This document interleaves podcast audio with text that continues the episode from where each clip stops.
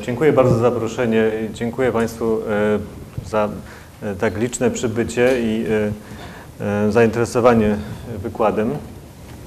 Proszę Państwa, kiedy rozmawialiśmy na temat mojego udziału w programie edukacyjnym dotyczącym wystawy Tadeusza Pipera, od razu mieliśmy pomysł, aby mówić o architekturze. Architekturze dlatego, że mm, i sam Piper zajmował się architekturą, zwłaszcza w latach 30., o czym jest mowa również na wystawie, ale także dlatego, że architektura dla modernistów była czymś niezwykle istotnym, pewną ramą właściwie, którą tak naprawdę w ramach której działa się sztuka nowoczesna w Polsce. Poza tym wydaje mi się też, że architektura tego czasu jest, tak jak mówią teoretycy studiów miejskich, tym, co podsumowuje w jakimś sensie rozwój cywilizacyjny tego okresu, stanowiąc jakieś istotne nowum w pejzażu kulturowym, nie tylko pod względem właśnie funkcjonalnym, ale przede wszystkim treści ideowych i symbolicznych, jakie ze sobą niosła. Jednym słowem, architektura pokazuje nam, skąd wziął się Piper, skąd wzięła się awangarda w Polsce i do jakiego stopnia ta nowoczesność, o której historia sztuki bardzo często mówiła, mm, czy podkreślała jej specyficzne wyobcowanie z, z tradycji, z, pokazywała ją jako pewną kontestację rzeczywistości. Chcę też pokazać, że w pewnym sensie można też postawić odwrotną tezę, czyli taką, że właśnie awangarda dopełniała ten obraz przemian modernizacyjnych ówczesnych i architektura może być tego znakomitym mm, świadectwem. Jednocześnie to, co mnie interesuje w moich badaniach nad modernizmem, to jest w pewnym sensie zwrócenie uwagi na jego bardzo konkretne i szczególne związanie z terytorium, w którym powstaje, a przede wszystkim z kulturą, z której wyrasta. Ja zaczynam ten wykład od pokazu slajdu z okładką takiej bardzo głośnej książki, którą z pewnością Państwo znacie, ci, którzy interesują się modernizmem, czyli wydanej w roku 1932 roku książce autorstwa dwóch historyków architektury, architekta, czyli Henry'ego Hitchcocka i Philippa Johnsona, The International Style, czyli styl międzynarodowy. Ten tytuł został potem przejęty przez krytykę architektury, historię architektury jako synonim architektury tej najbardziej funkcjonalistycznej, mm, tego modernizmu najbardziej zaawansowanego technologicznie i mm, najbardziej śmiałego. E, tytuł podkreślający e, to, że ta architektura była międzynarodowa. To znaczy, że była w pewnym sensie takim kosmopolitycznym stylem, nowym antykiem, który ujednolicał e, architekturę na całym świecie bez względu na to, gdzie powstawała. I ten sposób czytania architektury był bardzo powszechny y, już współcześnie, ale potem został właściwie przyjęty jako dogmat dla studiów nad architekturą y, y, modernistyczną. Natomiast mnie właśnie interesuje zwrócenie uwagi na ten odwrotny aspekt, czy właściwie postawienie tezy mm, zupełnie odwrotnej, w pewnym sensie karkołomnej, czyli że to był styl, może nie narodowy, ale on wyrastający z bardzo konkretnych uwarunkowań kulturowych, cywilizacyjnych, historycznych, ekonomicznych, a więc w tym sensie tego stylu nie da się wytłumaczyć wyłącznie przez jego aspekt międzynarodowy, który oczywiście istniał, ale dużo ciekawsze, zwłaszcza w badaniach współczesnych, które podkreślają tę różnorodność modernizmów, ich powiązanie z, jak powiedziałem, właśnie z konkretną, konkretną geografią, ten jego aspekt lokalny. E, I e, w tym sensie ta książka, wydaje mi się, e, jest już w pewnym sensie dawno nieaktualna i to pojęcie zwłaszcza, że dzisiaj musimy mówić również o tych narodowych odmianach e, nowoczesności. A więc nie jakaś jednolity wzorzec nowoczesności, który jest gdzieś powtarzany i on jest w tym sensie gwarancją sukcesu nowoczesności, tylko raczej jego wariacje, zarówno na poziomie formalnym, genetycznym, funkcjonalnym, symbolicznym. I wydaje mi się, że takim znakomitym pretekstem do dyskusji o takiej architekturze jest e, kazus Europy Środkowo-Wschodniej po roku 1918, kiedy mm, cały region od Morza Bałtyckiego po Bałkany y, zostaje na nowo przeorganizowany politycznie, czyli powstają nowe państwa i właściwie, jak chcę to pokazać w swoich publikacjach, y, to jest właściwie pretekst, aby te kraje, które do tej pory były albo częściami wielonarodowych imperiów, y, traktowane jako margines nowoczesności, uzyskują niebywałą siłę i dynamikę gwałtownego i szybkiego rozwoju, właśnie w duchu nowoczesności, czego wyrazem jest architektura modernistyczna.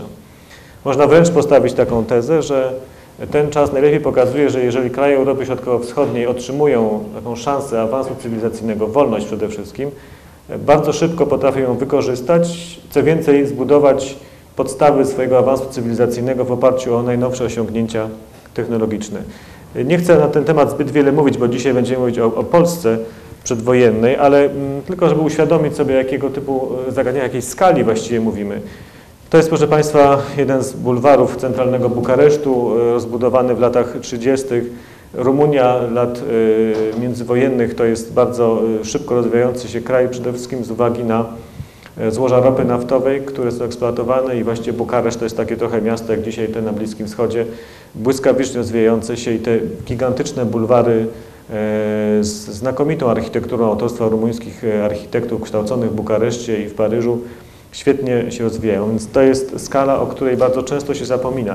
To jest może jeszcze kolejny paradoksalny aspekt całej tej historii, że kiedy popatrzymy na taki obraz e, dziedzictwa, jaki mamy, e, kojarzony z Europą Środkowo-Wschodnią, bardzo rzadko, paradoksalnie, ta architektura, która jest tak gigantyczna, dynamiczna i świetna, jest jak gdyby częścią takiego obrazu, który mamy e, przed oczami.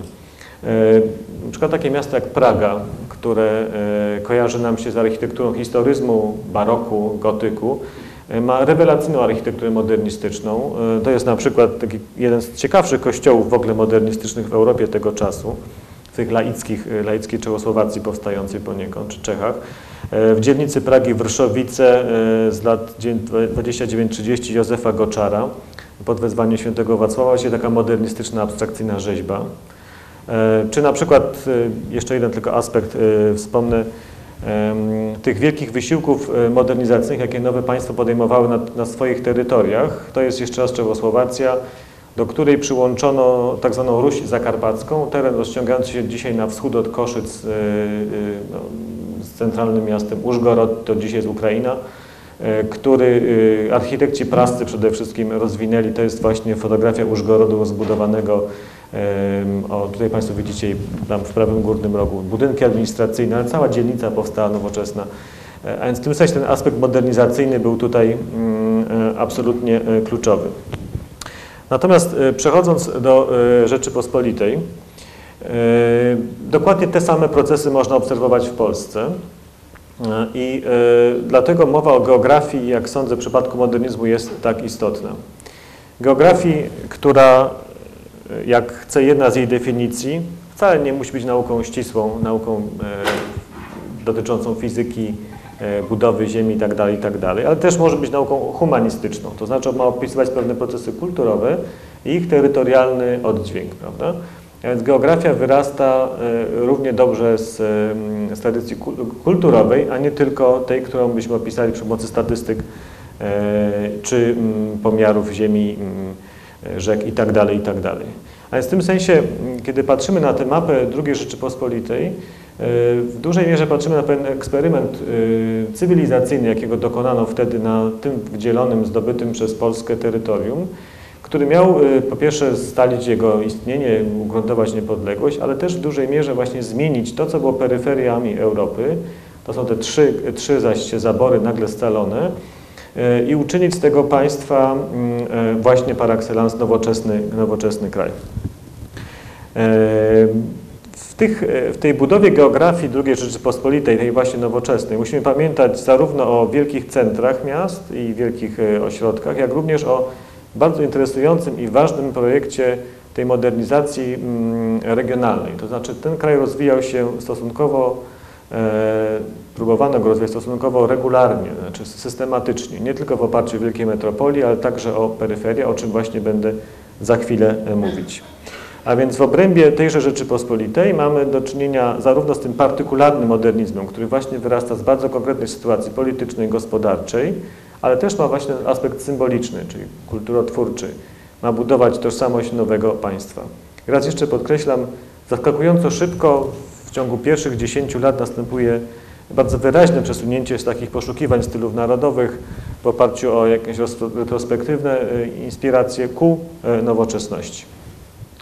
Proszę Państwa, e, aby uświadomić sobie, że mówimy o budowie faktycznie nowej rzeczywistości, Wystarczy przypomnieć sobie tego typu zdjęcia, jak budowa Gdyni. Na budowa Gdyni to jest fotografia z początku lat 30., a więc stosunkowo po długim okresie rozbudowy przede wszystkim portu. Widzimy, co to jest budowa nowego świata, prawda? Gdynia faktycznie powstaje na e, pustym, pustym piasku na wybrzeżu Bałtyku. Widzimy, jak bardzo faktycznie zmieniana jest, produkowana jest, jak niektórzy powiedzieliby, przestrzeń nowoczesności wydzielane ulice, budowa kamienic. Tutaj widzimy, jak bardzo to miasto było faktycznie e, jakimś radykalną nowością i zapełnieniem na nowo obszaru, a więc w tym sensie budową pewnej nowej, nowej mapy e, Rzeczypospolitej. E, tutaj widzimy też szereg ciekawych zjawisk, takich jak źródła mecenatu. No tutaj widzimy zarówno budynki rządowe, jak i przede wszystkim prywatne, które wypełniają przestrzeń miasta. Widzimy gigantyczny port, tylko jego fragment, który zapewnił Polsce w dużej mierze stabilność gospodarczą e, po czasach wielkiego kryzysu. E, ale widzimy też e, tą taką zaskakującą, być może dla wielu, śmiałość tego projektu. To znaczy, to jest, to jest rzeczywiście przekonanie, że da się wszystko zbudować od samego początku, że nie ma rzeczy niemożliwych i jesteśmy w stanie wręcz, to w przypadku gdy nie jest szczególnie ciekawe, stworzyć coś, co nazwano tożsamością morską Polski, właściwie otworzyć Polskę na morze, zbudować mm, e, całą nową, w pewnym sensie ideę patriotyzmu otwartego na świat poprzez morze. E, tutaj widzimy, jak to wszystko zaczęło się po prostu tworzyć. Proszę sobie tylko wyobrazić, że miasto powstaje, jednocześnie trzeba stworzyć całą terminologię, na przykład dla marynarki wojennej, na marynarki e, cywilnej. Trzeba przywieźć turystów, którzy będą chcieli się wykąpać w morzu. E, ja chętnie cytuję przy okazji pokazywania Gdyni taki podręcznik, właściwie informator dla turystów e, z głębi Polski, dla dzieci, które wyjaśniały na przykład, co to jest plaża, prawda? Jak, się, jak, jak można korzystać z plaży, bo to była rzecz zupełnie nowa e, dla bardzo wielu ludzi i trzeba było ich do tego przygotować. Więc w tym sensie to jest oczywiście budowa nowej kulturowej przestrzeni. Podobne zdjęcia można by pokazać z wielu innych e, ośrodków. Najczęściej wspominamy pewnie Centralny Okręg Przemysłowy e, z lat 30., podobnej, e, na jeszcze większej skali inwestycja. Ale nie myślmy o takich peryferiach, ale przypomnijmy sobie Warszawę. Warszawę, która była oczywiście bardzo dużym i ludnym miastem przed I wojną światową, ale była miastem niebywale pod wieloma względami zaniedbanym była zdominowana przez Cytadelę przede wszystkim, o czym dzisiaj się bardzo rzadko pamięta. E, I ta dzielnica, którą tutaj widzimy, czyli Żoliborz, e, to jest właściwie w całości e, realizacja z tego czasu. Właśnie to, jest to, to jest ta pierwsza, tak naprawdę nowoczesna dzielnica Warszawy, która zresztą pokazuje świetną architekturę modernistyczną, od tej takiej tradycjonalistycznej, którą byśmy pewnie z trudem nazwali modernistyczną, po mm, te realizacje tutaj z kolonii WSM-u, które Państwo widzicie od placu Wilsona E, ciągnące się. A więc e, to również Warszawa na dobrą sprawę zawdzięczała swój e, taki szybki awans cywilizacyjny, łącznie na przykład z uporządkowaniem komunikacji kolejowej w, centrum, w samym centrum miasta dopiero tymczasem. Dlatego nawet jak patrzymy na, na tę rozwoj, na mapę miast, prawda, musimy sobie zdać sprawę, tutaj ten zielony kolor pokazuje Warszawę do 1939 roku, ten jasno-zielony przed 1939 więc widzimy, do jakiego stopnia mm, e, to miasto również terytorialnie się powiększało. Jednym słowem, geografia modernizmu w Polsce to nie tylko pokazywanie jego e, realizacji na terytoriach takich pustych jak dotąd, jak Gdynia czy co, ale także myślmy o tym rozwój terytorialnych miast, terytorialny miast.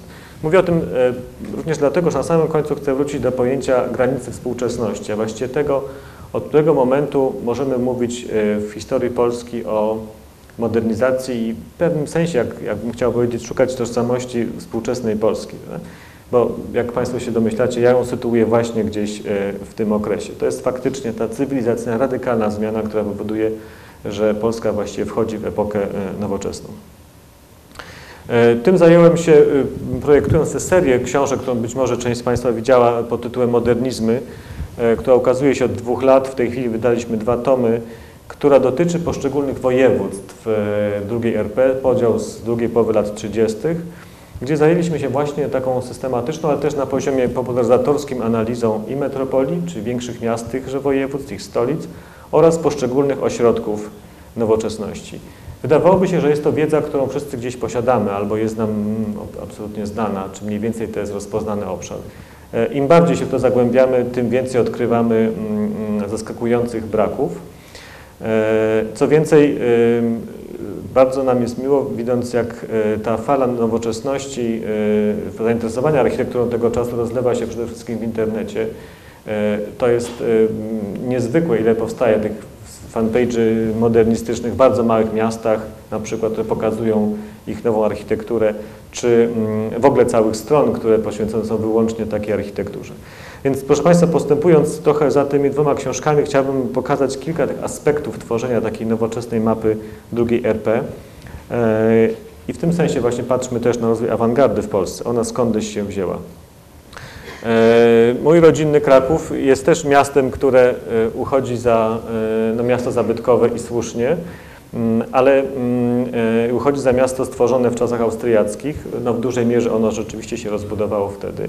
Ale też gdybyśmy popatrzyli na mapę, Kraków w przededniu I wojny światowej był miastem zabudowanym e, na obszarze niespełna 6 km kwadratowych i to za- zatrzymywała się zwarta zabudowa na linii dzisiejszych Alei Trzech Wieszczów. Ci z Państwa, którzy znają trochę Kraków, wiedzą, że jest to no, maksymalnie 15 minut spacerem od e, rynku głównego, a więc jest to no, obszar porównywany chyba z jedną dzielnicą Warszawy dzisiejszej, prawda? I to było całe miasto. To był oczywiście efekt tego, że miasto było miastem garnizonowym. E, Twierdza austriacka uniemożliwiała rozbudowę na przedpolach twierdzy miasta i faktycznie ono było ściśnięte y, w ramach y, y, tych pozostałości twierdzy, które, które w 1910 roku zaczęły się dopiero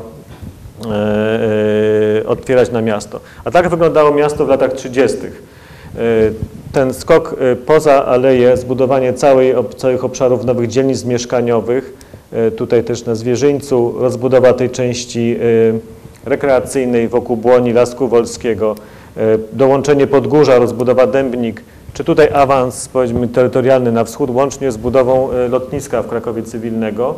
Dzisiaj Balice przejęły ten ruch, który e, przedtem przyjmowało lotnisko rakowickie tej części miasta. No pokazywało do jakiego stopnia faktycznie rzecz biorąc Kraków został, stawał się nowoczesnym miastem dopiero po I wojnie światowej. Jedne z takich symbolicznych zdjęć z tego czasu, mianowicie budowa tychże Alei Trzech Wieszczów, czyli głównej obwodnicy wokół starego, e, tego XIX-wiecznego rdzenia Krakowa. One były planowane jeszcze przed I wojną światową, ale dopiero po drugiej znaleziono i możliwości finansowe i wolę, aby je zbudować. E, Tutaj Państwo widzicie, że trochę podobnie jak w Gdyni, bo wydawałoby się, że takie rzeczy działy się tylko, jak powiedziałem, gdzieś na peryferiach. Nie, nie, w centrach polskich miast one powstawały na dobrą sprawę na nowo. Tutaj widzimy Bibliotekę Jagiellońską, to już jest fotografia z, lat, z lat 30. Mm, Krzyżanowskiego, tutaj e, gmach Akademii Górniczo-Hutniczej, a tutaj widzimy te stosunkowo skromne kamienice z lat e, tuż przed I wojną światową, takie bardzo prymitywne czynszówki, na jakie wówczas było stać Kraków, a tutaj kamienica modernistyczna. E, To trochę pokazuje, jaki to był skok cywilizacyjny e, i też jakiego typu standardy wtedy zaczęto wprowadzać. E, Dzisiaj te aleje e, e, można zwiedzać głównie z samochodu, bo tam niestety został wpuszczony ruch, ale to miał być taki elegancki bulwar miasta wówczas. Ciekawe jest też to, że modernizm nie był nawet w tak historycznym mieście jak Kraków, nie był bynajmniej eliminowany z centrum historycznego. To jest też pewnego rodzaju zapomniany może fakt, że nie bano się wprowadzać nowej architektury do centrum i to również takiej, która by kontrastowała z nim dosyć radykalnie. To jest Plac Szczepański w Krakowie i budynek krakowskiej Kasy Oszczędności dwóch miejskich architektów Tadaniera i Strojka, y, ukończony w roku 1936. To był krakowski wieżowiec, prawda, zbudowany no, tam 3 minuty od e, rynku głównego, który przewyższał wszystko, co było w okolicy. To jest e, budynek porównywalny wysokością z wieżami kościoła mariackiego, trochę niższy, ale jednak e, dawał to wrażenie, e, dawał to wrażenie nowoczesności i to takiej bardzo kontrastowej z tym, co działo się wokół. W tym sensie można powiedzieć, że ta potrzeba zaznaczenia nowej epoki nie ograniczała możliwości żadnych, nawet jeśli chodzi o lokalizację.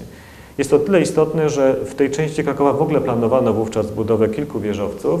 Jeszcze jeden został wykonany po drugiej stronie plantów. Plan, natomiast ten do dzisiaj pozostaje takim symbolem nowoczesności. Ja się Państwu przyznam, że kiedy byłem studentem, to ten budynek pokazywano nam jako swego rodzaju porażkę architektury, zwłaszcza w kontekście historycznej architektury wokół. Natomiast no, dzisiaj e, on ma status prawie że kultowy w Krakowie. E, e, łącznie z tym, że jeżeli będziecie Państwo mieli okazję, polecam wyjście tutaj na górę, ponieważ jest tam rewelacyjny widok na Stare Miasto i tam się odbywa jakieś sesje, fotografie mody i tak dalej, tak dalej, reklamowe filmy. Więc on jest swego rodzaju takim symbolem nowego Krakowa w dużej mierze i tak był zresztą zbudowany.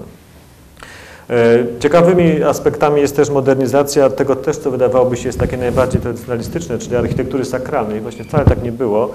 W Krakowie powstało kilka bardzo ciekawych kościołów modernistycznych, tak jak ten e, świętego Stanisława Kostki w Dębnikach, e, także autorstwa Krzyżanowskiego, taki najbliższy tej może takiej redakcji francuskiej, peretowskiej modernizmu z lat 30.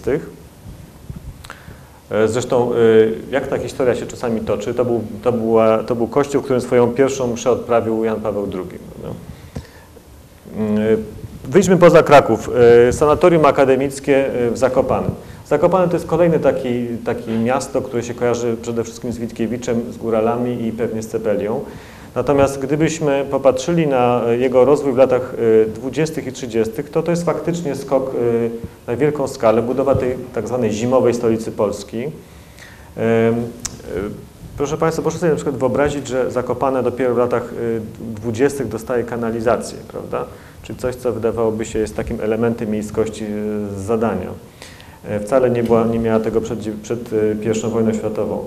Ale co tam Zakopane? Proszę sobie wyobrazić, że Łódź E, kilkuset tysięczne miasto nie miało kanalizacji do roku 1925. Jak może mówić o nowoczesnej Łodzi, jeżeli nie ma czegoś takiego, prawda? A więc y, woda była kupowana w Łodzi, istniały tylko studnie głębinowe. Y, bardzo była zresztą droga ta woda, a, a, ścieki płynęły ulicą po prostu do takich studzienek ściekowych. Więc proszę sobie wyobrazić, jak, jak, ta, jak, jak to miasto mogło funkcjonować przy tej ilości mieszkańców.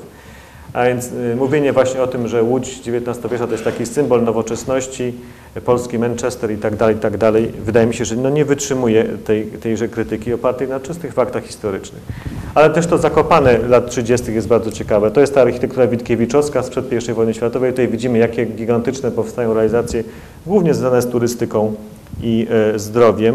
Nie chcę już wspominać o, o kolejce na Kasprowy Wierch, bo to jest, czy na Gubałówkę to są mm, generalnie znane symbole nowoczesności.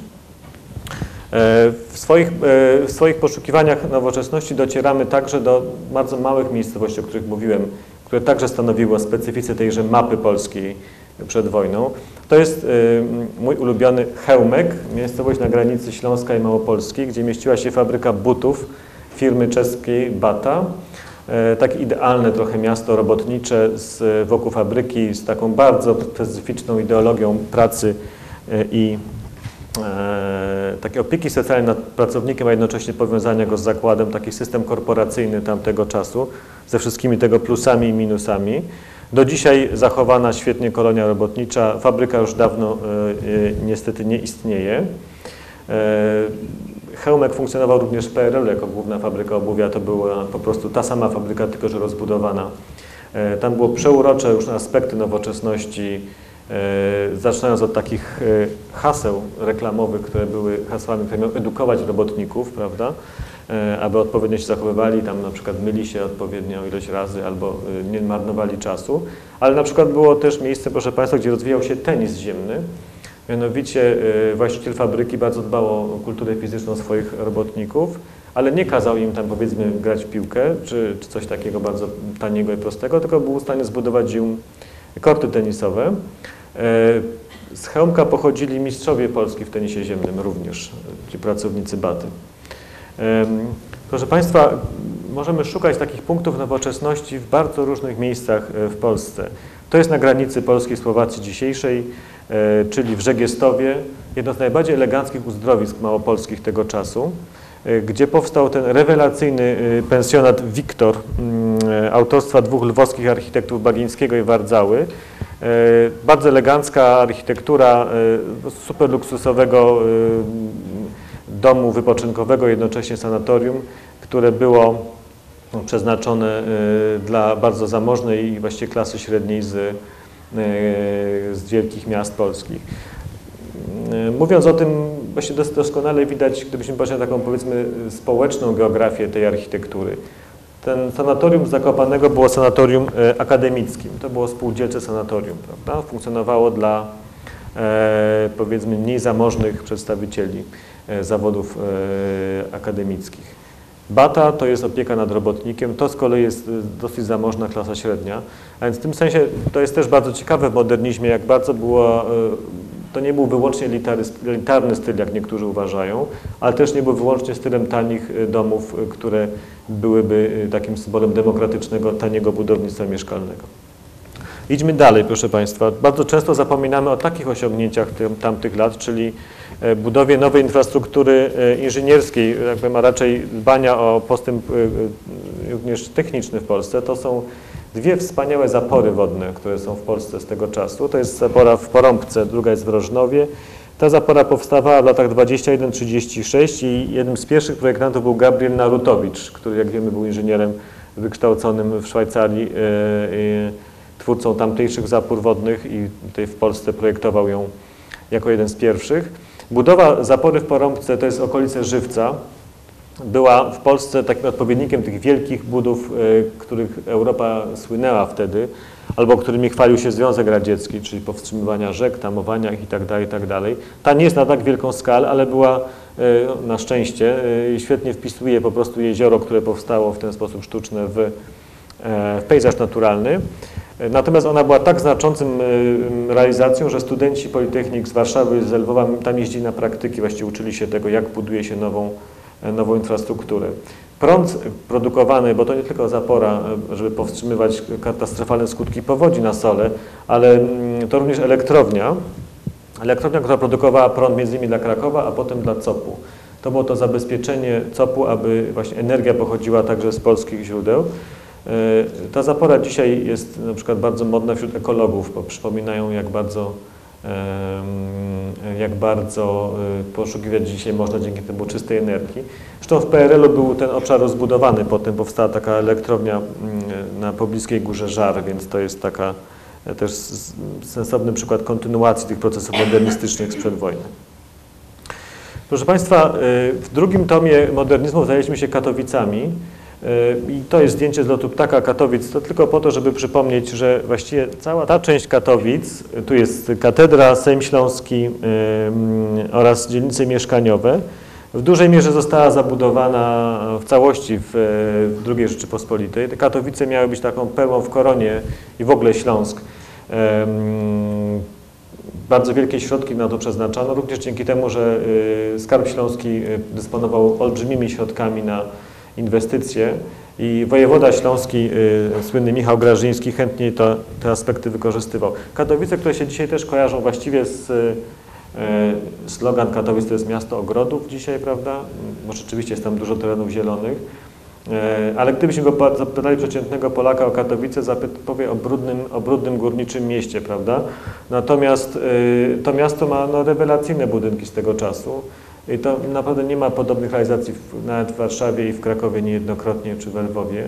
E, zabudowa dzielnicy mieszkaniowej, i wieżowce katowickie, czy mm, to jest taka mm, słynna kamienica z ogrodami zimowymi, mm, ale też bardzo ciekawa jest ta infrastruktura socjalna, jak tak zwane y, ogródki jordanowskie Kazimierza Wędrowskiego z lat 30.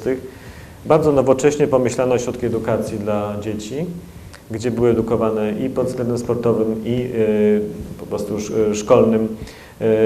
Y, rozsiane kilka takich realizacji w Katowicach. To był zresztą architekt z Warszawy. Ale same Katowice to nie wszystko. I to jest właśnie może ten aspekt, który jakoś szczególnie mm, mnie uderzył, kiedy pracowaliśmy nad tomem drugim o województwie śląskim. Mianowicie do tej pory żadna z wydawnictw nie zebrało pod jednym grzbietem książki informacji o tych mniejszych ośrodkach województwa śląskiego gdzie także ta nowoczesność rozwijała się w sposób e, zaskakująco efektowny. Bielsko-Biała, proszę Państwa, Bielsko-Biała była w województwie krakowskim, ale e, to są miasta w zasadzie już wtedy bardzo ze sobą blisko powiązane. Tam działa na przykład taki architekt Adolf Widerman, Alfred Widerman, który realizuje rewelacyjną architekturę mieszkaniową. Ale te pomniejsze miejscowości Śląska, Śląska Cieszyńskiego, to jest także kopalnia modernizmu, kopalnia nowoczesności. Ja swego czasu zajmowałem się miejscowością Skoczów, gdzie realizowano szereg willi i budynków mieszkaniowych. To jest akurat wyjątkowa willa dla rodziny Zinajbergerów, właścicieli miejscowej garbarni, którzy sprowadzili sobie architektów z Wiednia, żeby zbudowali dla nich ich willę.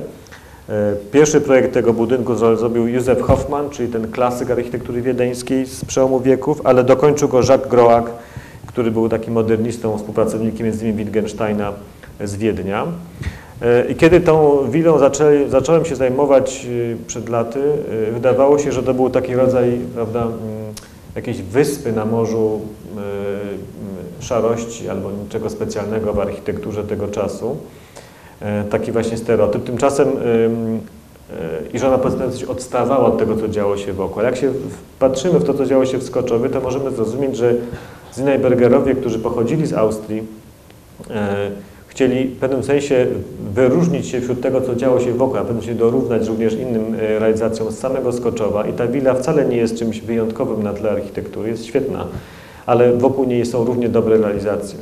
I tu jest ten problem właśnie modernizmu peryferyjnego, który, y, na który warto zwrócić uwagę i jego geografii. Proszę zwrócić uwagę, ta willa powstała jako zespół szeregu inspiracji, prawda? własnych kontaktów, własnych preferencji estetycznych, ale też całej tej nowoczesnej y, takiej atmosfery, jaka, jaka panowała na tymże terenie. A, a o czym mówimy, o, jakich, o jakim obszarze mówimy, to jeszcze za chwilkę wrócimy. Ale proszę pamiętać, że poza tymi efektywnymi budynkami y, mieszkaniowymi mamy też na województwie śląskim budowę właściwie całej nowej infrastruktury edukacyjnej. E, bo po czasach e, zaboru e, niemieckiego, pruskiego pozostały oczywiście struktury edukacyjne, ale wcale nie było ich aż tak dużo. A właściwie inwestycja w Polsko-Śląska miała być także inwestycją w, w budowę nowej struktury edukacyjnej. I te budynki to nie były jakieś przeciętne szkoły, ale te wielkie takie modernistyczne realizacje, chociażby ta w e, prowincjonalnych piekarach śląskich autorstwa Karola Szajera, jednego z najlepszych architektów działających w Polsce tego czasu, absolwent Politechniki Lwowskiej, który miał status budowniczego takiego wojewódzkiego, powiedzielibyśmy, na Śląsku. E, tutaj widzicie Państwo świetną klatkę schodową, przestronne sale, sala gimnastyczna. No to wszystko, co stanowiło nowym, nowoczesnej edukacji. E, sam architekt jest zresztą bardzo ciekawą postacią. E, jego takim głównym dziełem był budynek Muzeum Śląskiego, modernistyczny, zburzony przez Niemców w czasie II wojny światowej w ramach takiej usuwania sukcesów e, II Rzeczypospolitej z pejzażu Katowic mm, i Śląska zwłaszcza. E, po wojnie Szajer znalazł się, proszę Państwa, w Bejrucie mm, i stał się głównym architektem Bejrutu modernistycznego i właściwie szereg takich kluczowych realizacji modernistycznych w Libanie jest jego autorstwa. Czyli ten człowiek był właśnie modernizatorem tak wysokiej klasy, że na tym terenie, który rozwijał się szybko po II wojnie światowej, właśnie jego talent został e, świetnie pokazany. W Warszawie, jak Państwo pewnie wiecie, jego autorstwa jest ta przepiękna willa przy Frascati, w, którą opisywał m.in. Tyrmand. E, Śląsk to też jest świetna architektura, mm, oczywiście przemysłowa, jak ta wieża szybu prezydent Mościcki, otwarta przez Mościckiego w Chorzowie lat 30. Ryszarda Hellemana. To też czasami właściwie trudno uwierzyć, ale to też jest Śląsk, Śląsk Cieszyński, okolice Bielska, e, Bystra, jedno z największych sanatoriów e, w Polsce z tego czasu, z tymi wielkimi balkonami, gdzie leczono przez e, opalanie się na słońcu i przebywanie na świeżym powietrzu. Przepięknie wkomponowana w pejzaż architekt krakowski Wacław E, Nowakowski. W Istebnej też powstało to wielkie, gigantyczne uzdrowisko gruźlicze, czy szpital gruźliczy dla dzieci e, zbudowany przez e, współpracowników grupy Prezens z Warszawy. Proszę Państwa, to jest jedno z tych odkryć, których dokonaliśmy przy okazji, właściwie odkryć, po prostu opublikowaliśmy tekst badaczki tej architektury. Mianowicie to jest schronisko w miejscowości Górki Wielkie. To jest mniej więcej koło Istebnej właśnie.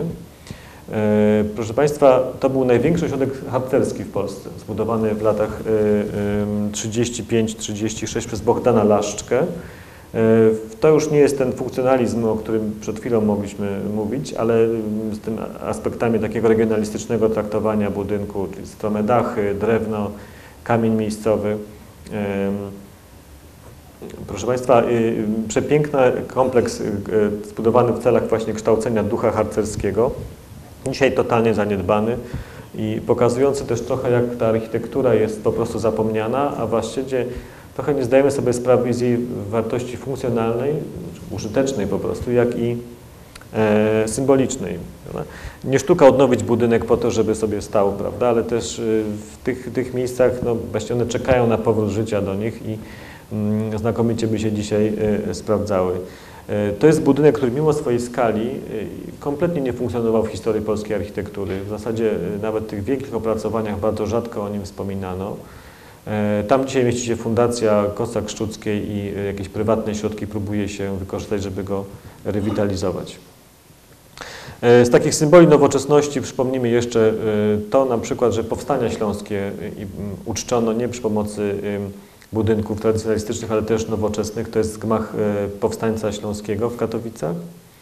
No i kończąc ten spacer po Śląsku, w pobliżu Skoczowa, Górek Wielkich, jest również ta legendarna budowla, czyli Zamek Prezydenta RP w Wiśle, autorstwa Szyszko-Bohusza, wielokrotnie analizowany przykład takiego kapitalnego połączenia elementów modernistycznych z tą taką lokalnością przez odpowiednie użycie kamienia i taką trochę malowniczą sylwetę, którą potrafił nadać mu Szyszko-Bohusz z tymi kapitalnymi meblami wewnątrz autorstwa Pronaszki i Padlewskiego, produkowanymi zresztą w, na Śląsku i w Warszawie. Jak się podkreśla, żadna głowa państwa w tym czasie w Europie nie miała tak nowoczesnej siedziby. E, ciekawe jest również to, że Mościcki, dla którego ten pałac, e, zamek został zbudowany przez Grażyńskiego, e, udostępniał go publiczność od samego początku, rzadko tam przebywał, ale udostępniał go właśnie jako wzorzec mieszkania nowoczesnego. Czyli można było tam pójść po to, żeby zobaczyć, jak się powinno mieszkać. I głowa, głowa państwa w ten sposób właśnie się dopowiedziała, dopowiedziała swoją taką modernizacyjną postawę poprzez to wyposażenie i taką, taką bryłę nowoczesną. Ten zamek zresztą do dzisiaj można zwiedzać, jak Państwo wiecie pewnie, czyli tak tradycja otwarcia jest kontynuowana. Natomiast jeżeli o czymś naprawdę zapomnieliśmy albo czego nie, nie jesteśmy w stanie dzisiaj docenić, to są przede wszystkim osiągnięcia architektury w województwach wschodnich. Siłą rzeczy po II wojnie światowej utraciliśmy jakiekolwiek możliwości badania tej architektury. Wiemy też, że bynajmniej nie było łatwo później. Badania, które prowadzone są y, współcześnie od kilkunastu lat, dopiero zaczynają przynosić pierwsze efekty, ale one i tak koncentrują się głównie na tej architekturze starszej. Y, dzisiaj y, z kolei na Ukrainie, czy przede wszystkim na Ukrainie i na Litwie rozwijają się też no, lokalne badania, czy mm, historyków sztuki z tamtych regionów nad tą architekturą. Ona stopniowo zaczyna dopiero wydobywać się z cienia. E, a e, z perspektywy no, też historii Polski możemy powiedzieć, że to jest ostatni, ostatni etap polskiej obecności na tych ziemiach i właściwie ta architektura jest swego rodzaju podsumowaniem, jak możemy powiedzieć, obecności Polski na tych terenach. I ostatni rozdział z tak historia kazała naszej obecności na przykład w Lwowie czy, czy, czy dalej na wschód. Kiedy patrzymy na tę mapę, to pojęcie kresy jest kompletnie absurdalne, prawda? Wiemy, że kresy to byłoby naprawdę daleko, bardzo dalej, dużo bardziej na wschód. Zwłaszcza takie obszary jak Lwów czy, czy Stanisławów, to były w pewnym sensie centra architektury i nowoczesności w Polsce, o czym za chwilkę powiem. A więc nie mówimy bynajmniej o zjawiskach marginalnych, czyli tych, które gdzieś tam funkcjonowały na peryferiach, tylko z samego centrum tego, o czym dyskutowano. Tym bardziej, że Lwów E, przecież miał e, jedną z dwóch e, polskich politechnik ze świetnymi wykładowcami i politechnikę, która bardzo szybko, właściwie w latach dwudziestych już zaczęła promować wzorce modernistyczne. Proszę Państwa, ja w tej chwili pracuję nad wystawą tej architektury, tejże architektury modernistycznej lwowskiej, którą mam nadzieję pokazać we Wrocławiu w Muzeum Architektury w przyszłym roku w ramach Europejskiej Stolicy Kultury Wrocław 2016.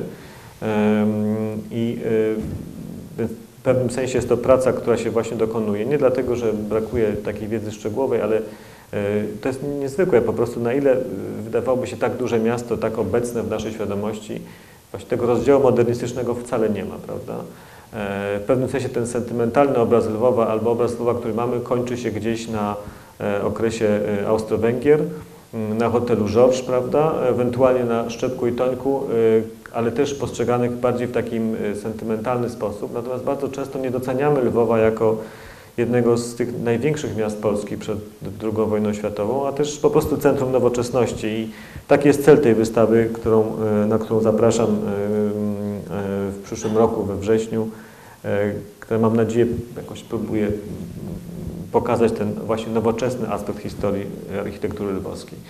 A więc w tym sensie architektura, czy mapa architektury drugiej RP, tak jak powiedziałem, tego projektu cywilizacyjnego, jaki ona podsumowuje, Pamiętajmy, że rozciąga się dużo bardziej na wschód. Ja dzisiaj będę pokazywać Państwu jeszcze realizację z, całego, z całej tej ściany ówczesnej wschodniej, od Brasławia po Kuty e, na granicy z Rumunią, żebyśmy sobie zdawali sprawę, na, jaką, na jakiej skali zjawisk mówimy. O samym Lwowie dwa słowa. E, to przepiękne XIX-wieczne miasto, rzeczywiście rozbudowane w czasach austriackich e, z wielkim smakiem, ale posiadający oczywiście swoją historię średniowieczną.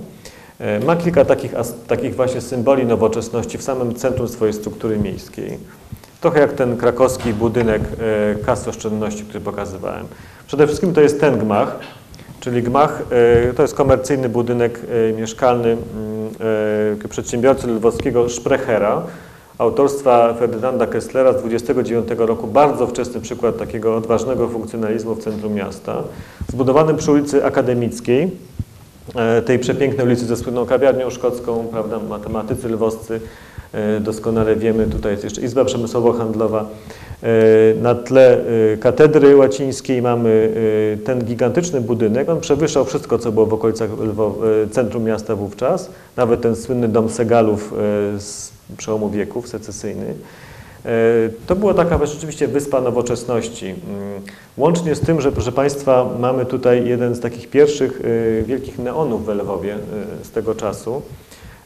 Tutaj w Warszawie bardzo wiele uwagi poświęca się neonom warszawskim, tym z czasów PRL-u i słusznie, ale pamiętajmy, że historia neonów jako tego symbolu wielkomiejskości jest dużo, dużo starsza i zaczyna się właśnie w latach, koniec lat, przełom lat 20. i 30 E, a te najciekawsze neony, to między innymi pojawiały się wówczas e, w Lwowie.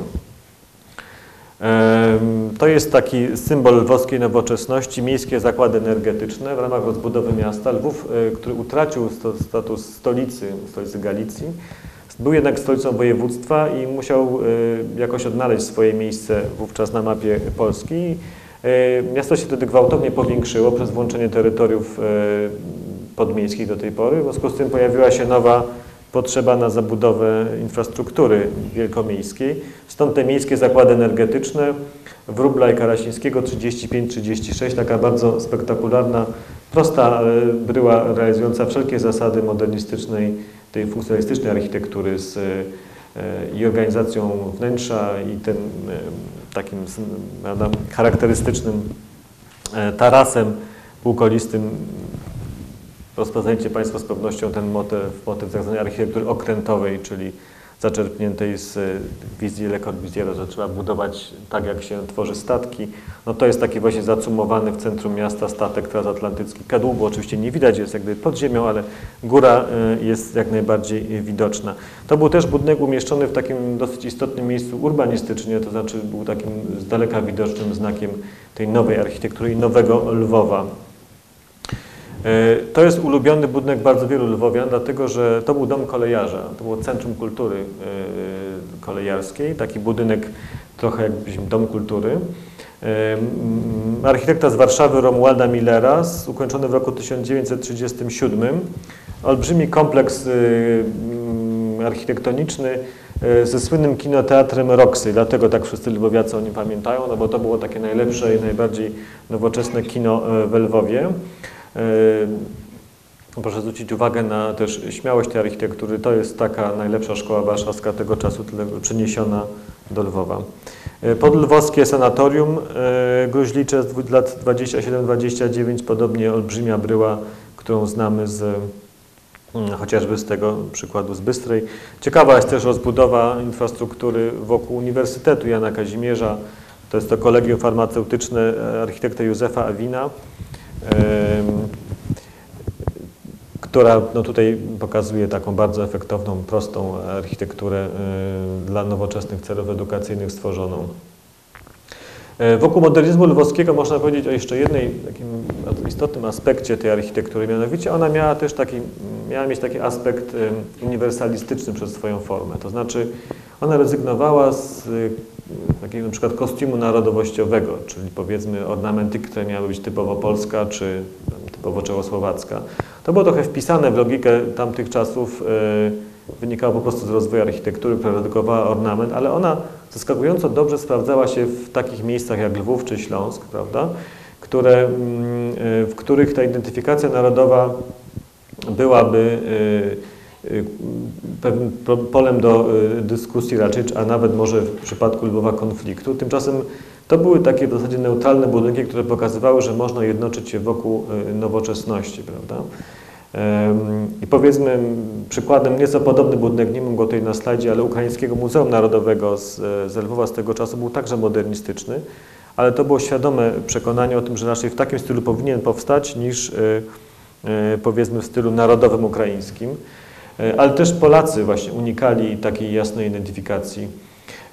A więc w tym sensie to, co wydawałoby się takim kosmopolityzmem tej architektury, czyli międzynarodowością, było kapitalnym elementem scalającym e, e, również e, odtworzone, odtworzone po okresie zaborów państw, w którym, jak wiadomo, nie było ono jednolite etnicznie. Co do Lwowa, te budynki, no na przykład Instytut związany z badaniami farmaceutycznymi Barwińskiego za 37-39 one uzupełniły bardzo mocno architekturę Lwowa tego XIX-wiecznego. Kiedy przy okazji tej wystawy wrocławskiej, o której mówiłem, ja współpracuję oczywiście z ukraińskimi historykami sztuki, rozmawialiśmy o, mm, o tej architekturze, e, to mówili mi, że w czasach sowieckich e, taki stereotyp obowiązywał w nauce, nauce właśnie w cudzysłowie, o tym, że w Lwowie lat 20. i 30. nie zbudowano nic wartościowego, albo, albo prawie nic, że to było miasto w zasadzie austriackie e, niespecjalnie rozwinęło się w latach międzywojennych, utraciło swój status, e, jak powiedziałem, stołeczny. Tymczasem dzisiaj to jest również odkrycie, które, dokonują historycy sztuki ukraińscy, no, jest zupełnie, zupełnie inaczej. Czyli na przykład tego typu budynki w takim sensie też wracają do pewnej wyobraźni zbiorowej, E, mieszkańców współczesnego Lwowa. E, chcę też powiedzieć, że to rozszerzenie lwowskie e, granic administracyjnych oznaczało też budowę nowych dzielnic mieszkaniowych. Podobnie jak w Krakowie, całe kompleksy ulic z nowymi kamienicami, takimi mniej lub bardziej luksusowymi powstawały na peryferiach ówczesnego tego rdzenia XIX-wiecznego miasta. W Krakowie pisano poezję na temat tej architektury. Mówiono, że to jest ten nowy, nowa cywilizacja, nowy styl mieszkania, światło, woda, tereny zielone, e, nie ma podwórek czynszowych kamienic, prawda? nie ma e, tego fatalnego zagęszczenia architektury, jaka była w XIX-wiecznym tak małym mieście jak na przykład Kraków. Prawda? I to, ten rodzaj swego rodzaju takiej idylli, którą tutaj możemy zobaczyć, się sprawdza, ale proszę Państwa, idylla idyllą, ale kiedy patrzymy na ceny mieszkań na przykład w Krakowie dzisiaj, nie wiem jak w Warszawie to wygląda e, z uwagi na tutejsze e, destrukcję miasta, ale w Krakowie wciąż ta architektura jest jedną z najbardziej wysoko cenionych, jeśli chodzi o rynek mieszkaniowy, czyli w pewnym sensie do dzisiaj się sprawdza. I w ogóle chyba można taką tezę postawić, że w historii polskiej architektury mieszkaniowej to jest jakoś szczególnie udany okres i e, być może nawet nie do przeskoczenia już nigdy.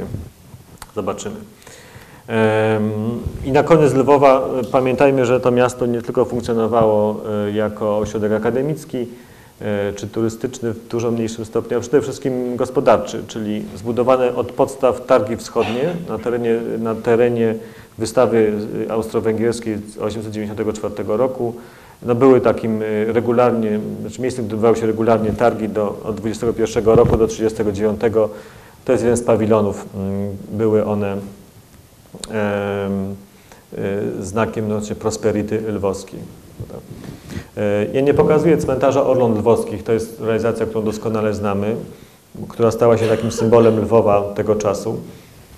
Ale równie dobrze można powiedzieć, że obok cmentarza mm, tego kultu walki o, o polskość Lwowa, również ta architektura mogła być symbolem tego, co z tym miastem udało się zrobić w latach II RP. Proszę Państwa, ale właśnie Lwów, wszyscy wiemy, pamiętamy o nim, ale jeżeli popatrzymy na te mniej znane województwa, których pamięć kompletnie właściwie się zatarła, tej naszej świadomości zbiorowej, pamięci zbiorowej w ogóle nie funkcjonuje, powinna.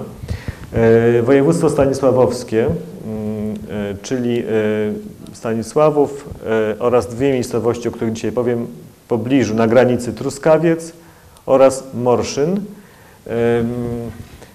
które gdybyśmy zapytali dzisiaj e, przeciętnego mieszkańca Polski, z pewnością nie był w stanie skazać ich na mapie, a już w ogóle skojarzyć z nowoczesnością e, tym bardziej, ale to nie jest jego wina, tylko wina właśnie nas wszystkich, prawda, jeśli chodzi o edukację i pamięć o, o tym obszarze. A tymczasem przypomnijmy sobie, proszę Państwa, Truskawiec e, był najbardziej eleganckim uzdrowiskiem w II Rzeczypospolitej na tamtych terenach rozbudowywany jeszcze w czasach austriackich od lat 20. XIX wieku.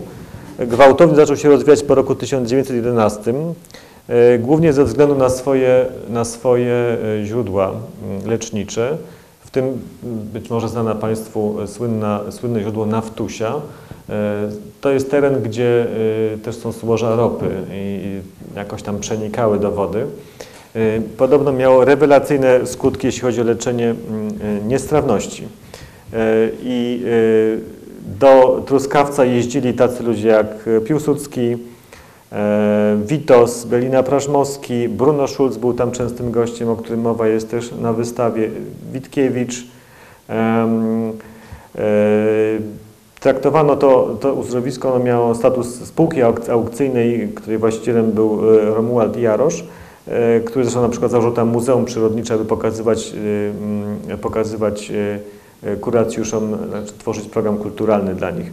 Ale pomijając ten aspekt, zresztą bardzo tragiczny w historii również tego uzdrowiska, czyli słynny mord na polskim ministrze mm, Tadeuszu Hołówce dokonany przez ukraińskich nacjonalistów, to miasto miało, czy to uzdrowisko miało charakter takie enklawy nowoczesności. Zobaczmy kilka fotografii willi z, tego, z tego, e, tegoż właśnie miejsca.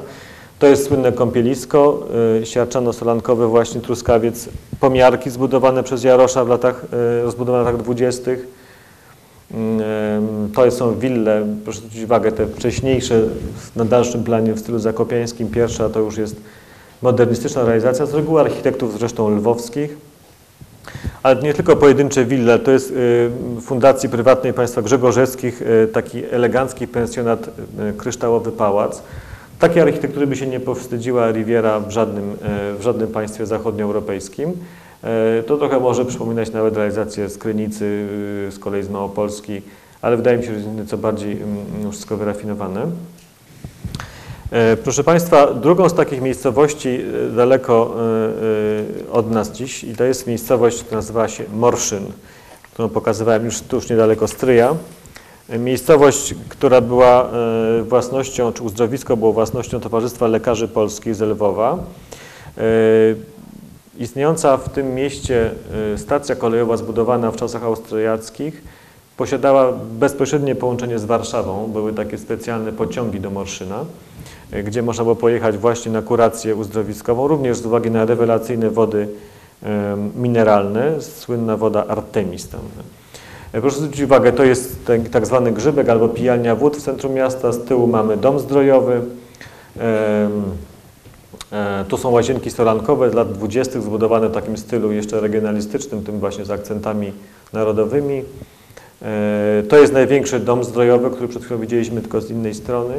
E, proszę Państwa, no to są spektakularne realizacje, jeśli chodzi o skalę, wyposażenie, jakość, e, które e, dzisiaj zresztą w różnym stopniu funkcjonują, bo te wszystkie uzdrowiska, one w czasach sowieckich były też rozbudowywane, to czy ich, ich historia się bynajmniej nie zakończyła. Zresztą dzisiaj można w Polsce wykupić w czasy tam również bez problemu.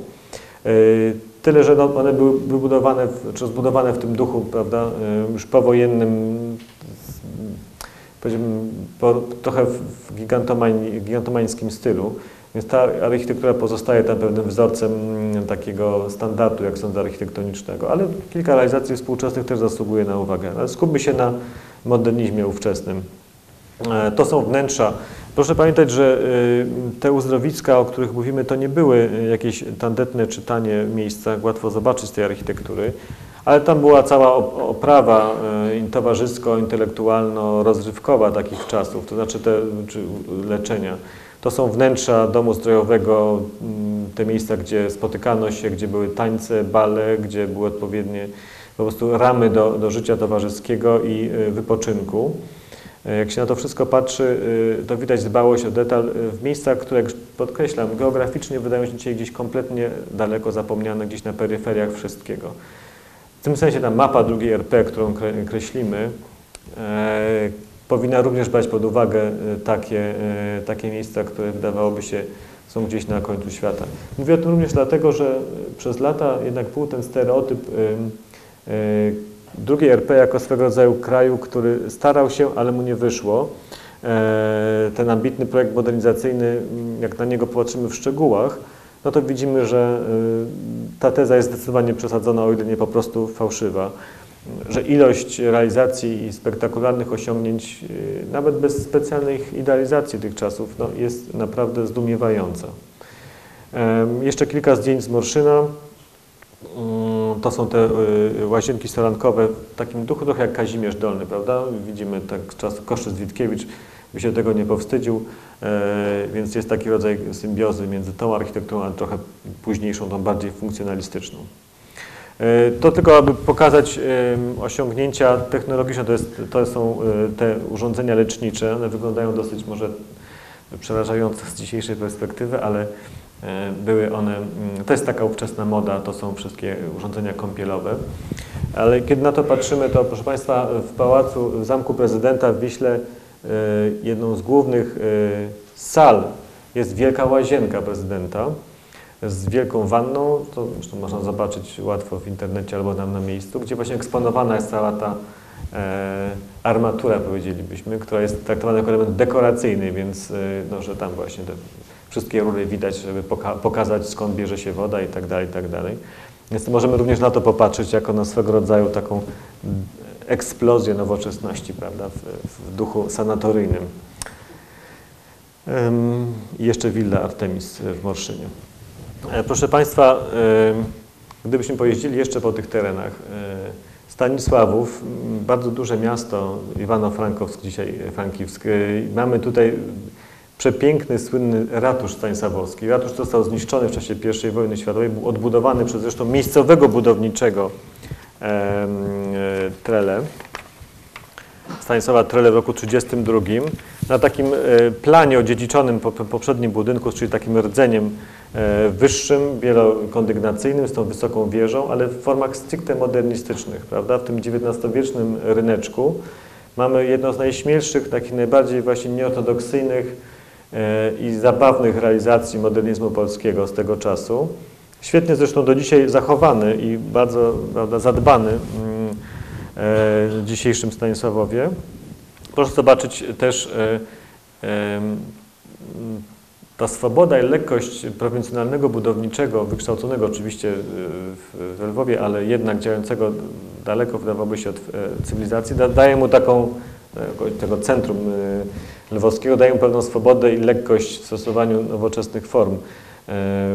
Prze, e, dziwny, przeuroczy i taki wręcz dekoracyjny sposób traktowania tej bryły.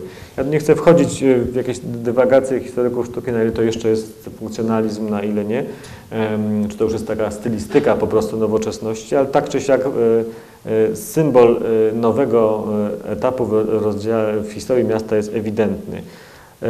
W Stanisławowie powstało też bardzo dużo kamienic z tego czasu, miasto się zbudowało i one do dzisiaj, podobno mówi się w Stanisławowie, że to są tak zwane polskie domy, i to też jest ta, ta najlepsza dzielnica mieszkaniowa Stanisławowa dzisiaj na Ukrainie. Proszę Państwa,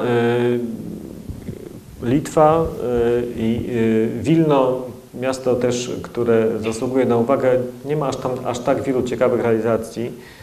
Z lat 30., ale mamy tutaj, tylko żeby przypomnieć, słynnego w Warszawie architekta Juliusza Żurawskiego, ten gmach PKO w Wilnie z lat 36-38 z Zbigniewem Puszetem. Bardzo taki przyzwoity przykład monumentalnej redakcji modernizmu z elementami klasyzującymi, z tą taką kładziną kamienną, która nieco może przypominać budynek, w którym właśnie się znajdujemy. Wilno pozostało jednak miastem w dużej mierze zdominowanym przez architekturę XIX wieku, a wcześniej barokową. Te nowe dzielnice nie były aż tak rozbudowywane. No nie miało aż tak też istotnego statusu ekonomicznego jak Lwów chociażby. Na Antokolu jednakowoż powstała taka ciekawa dzielnica mieszkaniowa, awangardowa autostrad Wojciechowskiego w latach 30. Tutaj przy tym kontraście z, prawda, z kościołem świętych Piotra i Pawła mamy te zabudowania pokazujące właśnie również to nowe Wilno.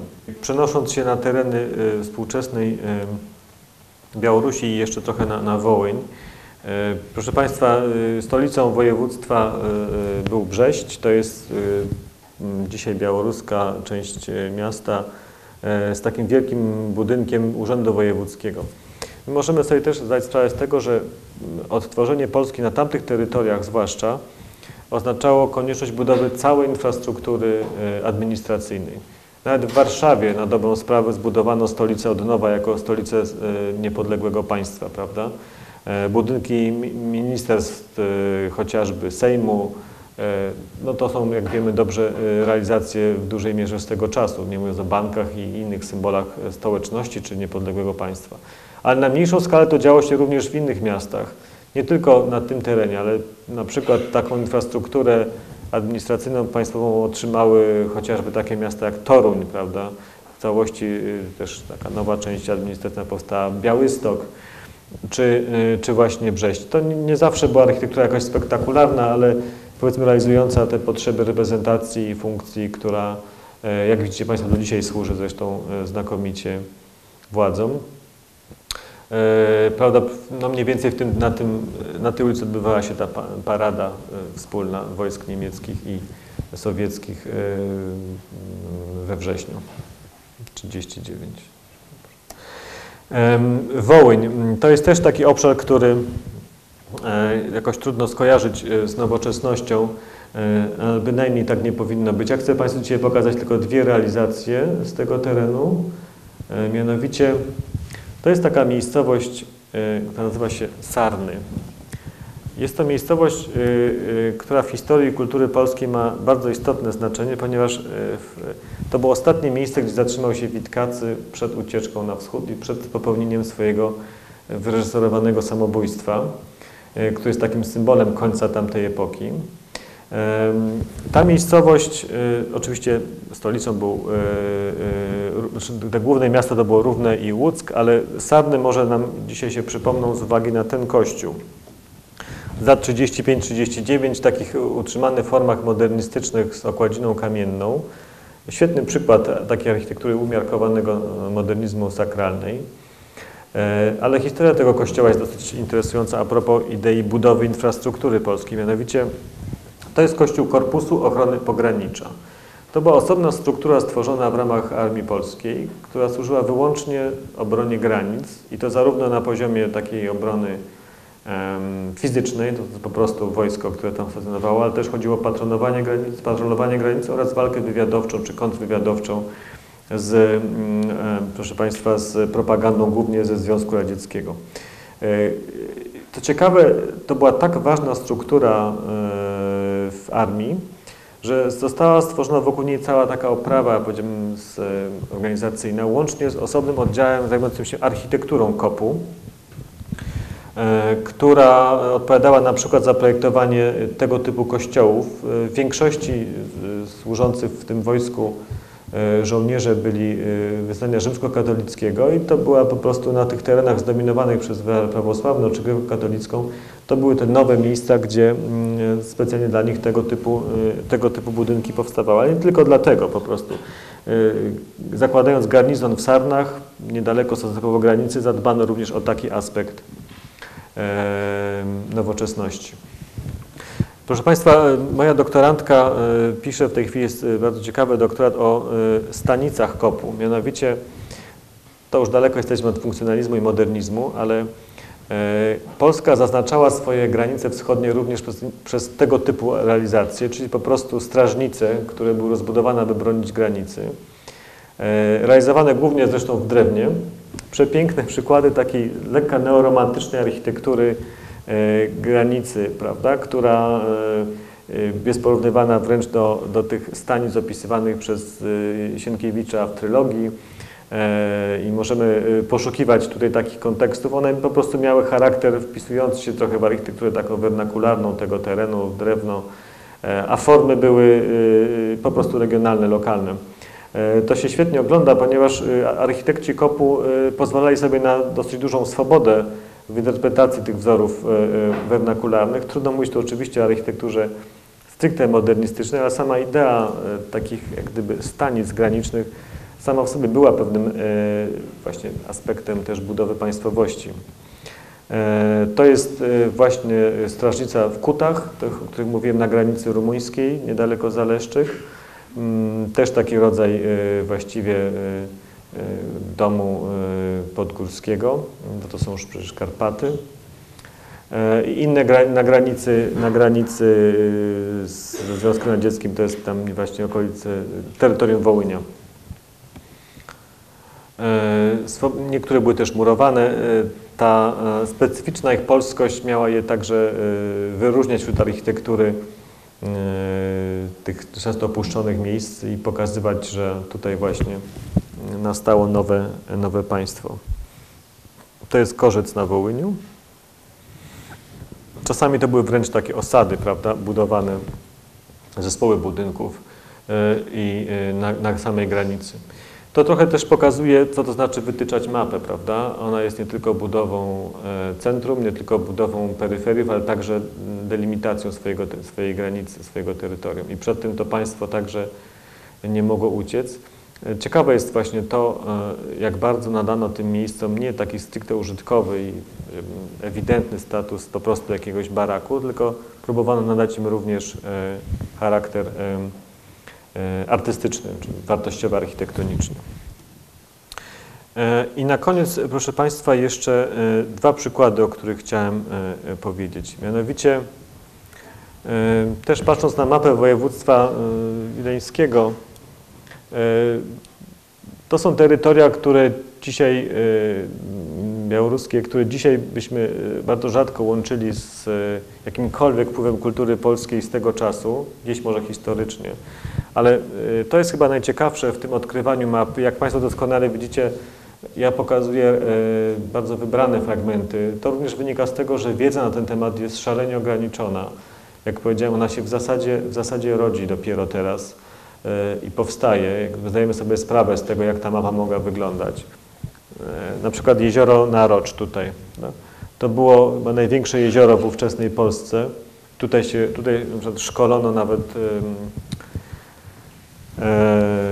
marynarzy do służby na morzu, a to był y, też e, miejsce, gdzie rozwijał się mm, sport wodny, mm, który propagowała Liga Morska i Kolonialna. Prawda? To było takie wewnętrzne jakby jezioro no bo przecież Mazury nie były, nie były polskie. Więc te wszystkie obszary były takim elementem wyobraźni, wyobraźni e, zbiorowej, wręcz można być po prostu tożsamości e, ówczesnej Polski i mm, w pewnym sensie, no właśnie, dzisiaj to jest pytanie, w jakim stopniu, jak je przywracać i a wydaje mi się, że bez wątpienia warto, bo one pokazują trochę tą lekcję nowoczesności, jaką Polska w XX wieku przepracowała. Yy, więc przykład z samego końca Rzeczypospolitej, Brasław.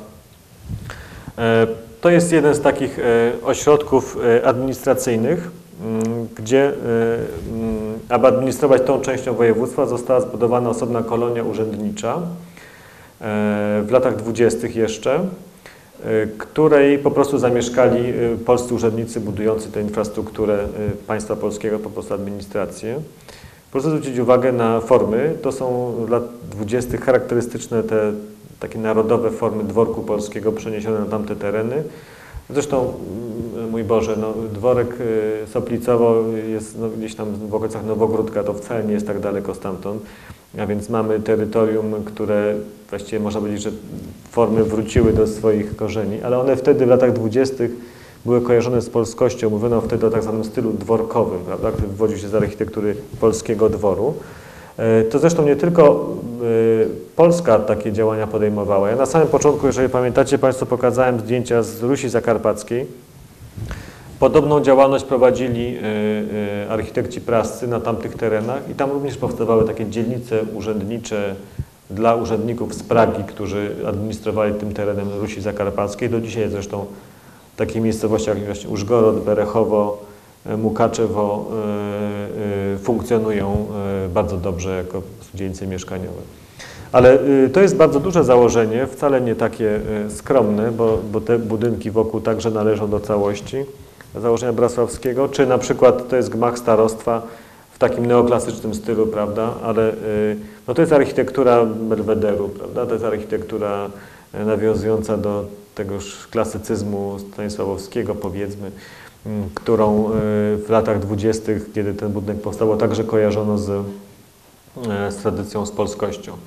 E, więc w całym tym obszarze budowania mapy drugiej RP pamiętajmy też o, o, o, tego, typu, o tego typu realizacjach i tym, co no dzisiaj leży od nas bardzo, bardzo daleko, a co było częścią tego całego projektu modernizacyjnego przed wojną. E, proszę Państwa, i na koniec jeszcze e, fotografia z tej miejscowości. To jest bardzo istotny węzeł kolejowy, Baranowicze i to było tu w okolicach Nieświeża, mm, no ważne centrum logistyczne mm, w ówczesnej e, Polsce. I dzisiaj mamy tutaj fotografia z internetu, autor się podpisuje i chwała mu za to. To jest taki symbol Polski tamtych lat ewidentny, czyli stacja radiowa polska. Prawda? Pamiętajmy o tym, że budowa y, nowego państwa to była też budowa całej infrastruktury komunikacyjnej. E, ta stacja radiowa, zresztą wiele takich stacji powstawało, y, nie zawsze tak może ciekawych pod względem architektury modernistycznej. To jest prosty, ale jednak efektowny budynek z tym pięknym tarasem, zespołem, zespołem form bardzo ładnie scalonych. Mm, kiedy y, y, po wojnie chyba likwidowano stanowiska, y, część urządzeń przejechała do Raszyna i to Polskie Radio po II wojnie światowej funkcjonowało na początku dzięki urządzeniom przewiezionym właśnie z Baranowicz. Proszę Państwa, no, trudno taki bardziej symptomatyczny i ewidentny przykład tego, jak wygląda modernizacja terenów, które się obejmuje i jak się buduje ich nową infrastrukturę. A więc kończąc na tej stacji radiowej, e, która w pewnym sensie można, można powiedzieć, że symbolizuje te projekty i ambicje nowoczesne II Rzeczypospolitej, gdybyśmy wrócili teraz do tej mapy, to możemy powiedzieć, że jakkolwiek ta mapa ma znaczenie historyczne, e, to cały projekt nowoczesności wtedy rozpoczęty właśnie nie ma takiego znaczenia historycznego. To znaczy to nie jest tak, że on pozostał bez śladu. Co więcej, można powiedzieć, i to jest właśnie coś, na czym jakoś e, myślę i staram się mm, e, promować ten sposób myślenia, czyli gdybyśmy poszukiwali momentu, od którego zaczyna się polska nowoczesność i w ogóle ten taki e, przekonanie o, o, o powrocie na mapę Europy, ale też na odpowiednich warunkach, to jest właśnie ten moment. Prawda? Pamiętam, że na naszych studiach z takim przerażeniem wysłuchiwałem różnych test typu że zabory były dla nas w zasadzie korzystne, bo gdyby nie zabory, to byśmy się nigdy nie zmodernizowali, prawda, że gdyby nie rynek rosyjski, to by na przykład nie powstała Łódź i nowoczesna Warszawa. I tego typu e, właśnie dyrdymały. E, tymczasem właśnie to, te czasy i ta mapa, którą Państwu dzisiaj próbowałem narysować, pokazuje coś zupełnie odwrotnego, prawda, że dopiero w chwili, kiedy odzyskujemy niepodległość, kiedy mamy narzędzia do kreowania autonomicznej polityki mm, na wszystkich poziomach, również e, pod względem architektury, to wszystko zaczyna działać, prawda? I dlatego, gdybyśmy myśleli o tej granicy nowoczesności, jaką, jakiej byśmy poszukiwali, to z pewnością jest to właśnie rok 18. I teraz pytanie brzmi e, wręcz, czy biorąc pod uwagę skalę tego doświadczenia, bo y, to jest olbrzymi skok cywilizacyjny, prawda?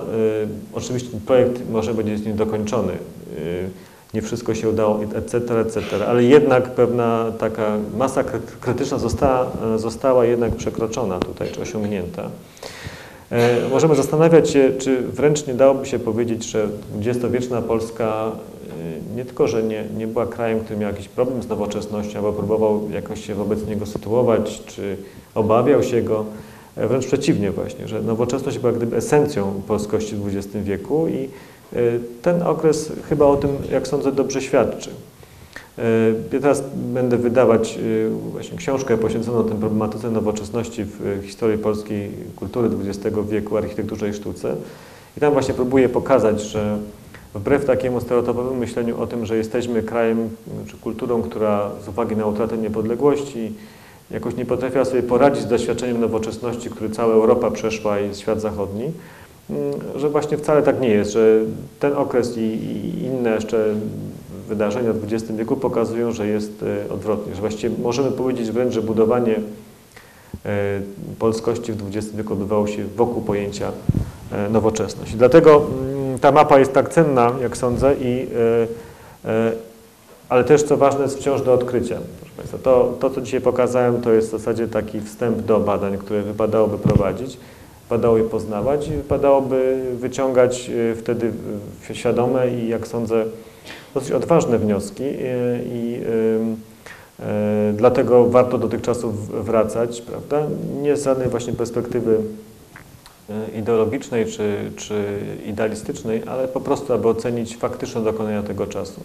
Nawet na tle Europy Środkowo-Wschodniej, która była w niektórych regionach dużo bogatsza, przede wszystkim Czechosłowacja była krajem na o wiele wyższym poziomie rozwoju niż Polska w tym czasie. Mamy y, z pewnością, ta mapa zasługuje, zasługuje na uwagę i w jakimś sensie właśnie y, do dzisiaj efekty tych, tych działań są wokół nas i żyjemy w, e, w kontynuacji y, tamtych lat. Dziękuję bardzo.